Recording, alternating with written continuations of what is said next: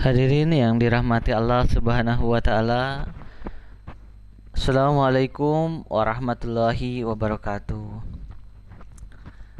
Alhamdulillah berkah dari karunia Allah Subhanahu wa taala kita bisa mendengarkan kembali daras Ramadan yang kali ini akan bertemakan tentang kedamaian ekonomi. Allah Subhanahu wa taala berfirman di dalam Quran surat An-Nahl ayat ke-72. A'udzu billahi minasyaitonir rajim. Wallahu faddala ba'dakum ala ba'din fir rizq. فما الذين فضلوا براد رزقهم على ما ملكت أيمانهم فهم فيه سواء أفبنعمة الله يجحدون yang artinya adalah Allah Ta'ala telah memberikan sebagian dari antara kamu di atas sebagian yang lain dalam rezeki duniawi.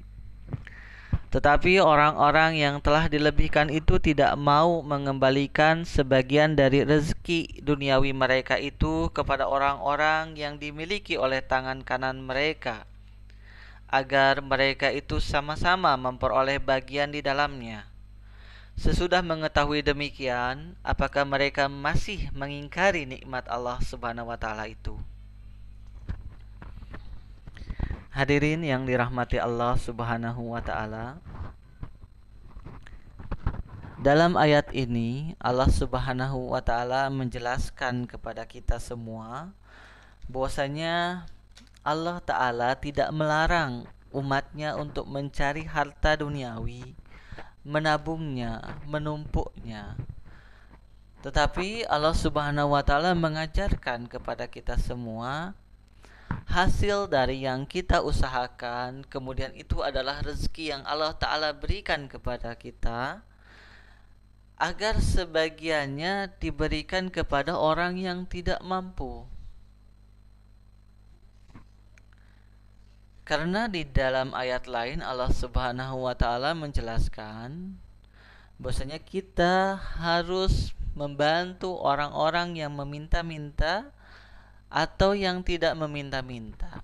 Maksudnya adalah kadang ada orang yang berani untuk meminta, kemudian juga ada orang yang tidak berani untuk mengungkapkan kebutuhannya. Di sinilah umat Islam diajarkan supaya peka kepada saudaranya secara sosial ekonomi di mana ia melihat siapa yang butuh dan siapa yang berkelapangan. Kemudian kita diajarkan juga oleh Islam untuk selalu hidup dalam kondisi sederhana. Pertama yang paling menarik perhatian adalah berkenaan dengan pesta pernikahan. Jadi di sini Islam mengajarkan kepada kita semua bahwasanya pernikahan adalah sesuatu hal yang harus disyukuri tetapi yang diutamakan di sini adalah mensyukurinya dengan memberikan makan kepada orang-orang miskin. Kemudian Islam mengajarkan bahwasanya kita supaya hidup dengan makanan yang sederhana. Jadi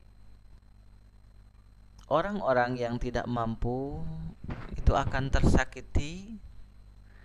Jadi orang yang tidak mampu itu hatinya tuh tersakiti ketika melihat orang-orang yang diberikan kelapangan rezeki oleh Allah Subhanahu wa taala mereka membelanjakan harta itu dengan berfoya-foya dengan hura-hura jadi contohnya seperti ini bagaimana kita melihat ada orang kaya kemudian dia makan sesuatu yang mahal kemudian hanya dicicip dan sisanya dibuang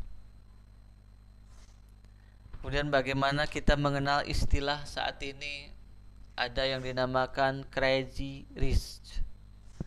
Ada crazy rich Surabaya, crazy rich Indonesia, crazy rich Asia dan sebagainya.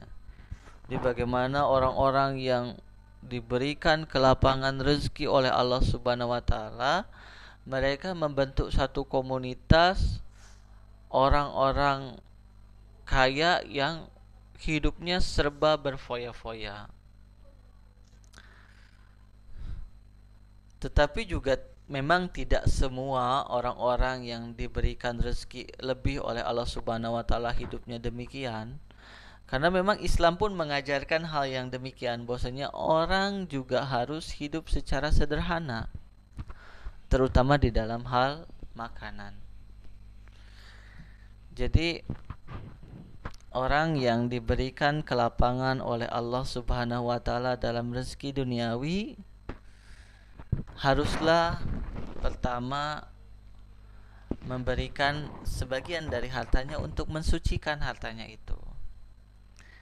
Nah, selanjutnya bagaimana terjadinya ketimpangan sosial ekonomi, ada kelas, ada strata sosial, itu dipengaruhi dari banyak hal di antaranya sejarah kemudian ras kemudian suku dan sebagainya dan Islam berusaha supaya hal-hal tersebut terkikis Kenapa? Karena di dalam ibadah-ibadah yang ada di dalam Islam semuanya menunjukkan ke arah persamaan secara pandangan Allah Subhanahu wa taala. Jadi Allah Subhanahu wa taala memandang seseorang itu tidak dari sisi hartanya melainkan apa yang dibelanjakannya. Kita bisa melihat bagaimana dalam ibadah haji, kemudian di dalam sholat, kemudian dalam puasa, kemudian bagaimana cara beribadah di masjid.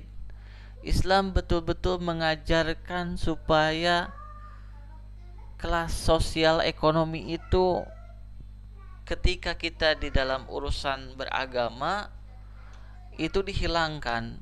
Jadi yang ada di dalam pandangan Allah Subhanahu wa taala adalah ketakwaan dari orang tersebut. Dan selanjutnya Islam mengajarkan bagaimana aturan tentang bunga.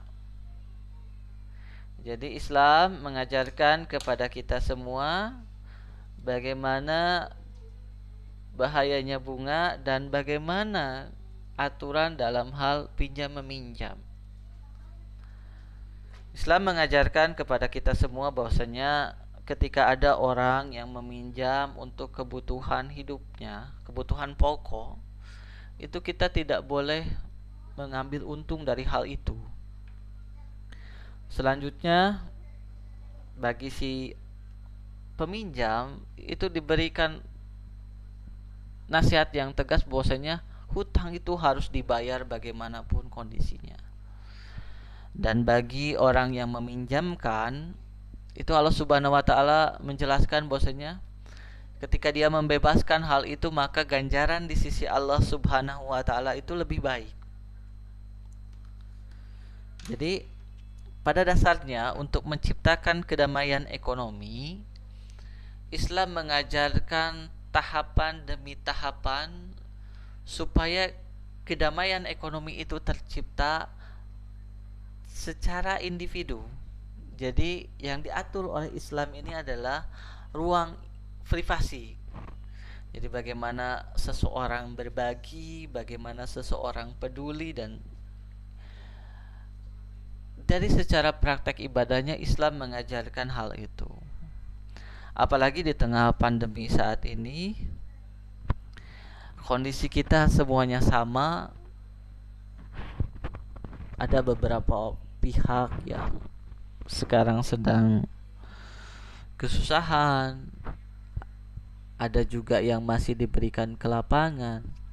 Karena kita ambil contoh orang yang punya usaha. Dia punya restoran atau tempat makan dan ia punya pegawai. Ketika warungnya sepi, restorannya sepi, usahanya sepi, otomatis berembet kepada pegawainya juga. Nah, kondisi sama yang terjadi kepada setiap orang di pandemi ini mengajarkan kepada kita semua bahwasanya pandemi ini pun juga tidak mengenal orang kaya kah atau miskin kah, semua beresiko untuk tertular. Oleh karena itu, di tengah pandemi di dalam Ramadan kemudian kita diajarkan untuk selalu peduli selalu berbagi untuk melihat senyum dari setiap orang dan inilah kesempatan kita untuk meraih keriduan dari Allah Subhanahu wa taala. Karena di dalam pepatah pun juga diajarkan barang siapa yang menanam padi dia akan memperoleh padinya Siapa yang menanam cabai dia akan memperoleh cabai. Siapa yang menanam timun dia akan memperoleh timun. Dan inilah siapa yang menanam kebaikan insya Allah Ta'ala dia sendiri yang akan memperoleh manfaat dari kebaikan yang dia lakukan. Mudah-mudahan ada manfaatnya. Wa akhiru da'wana alhamdulillahi rabbil alamin. Wassalamualaikum warahmatullahi wabarakatuh.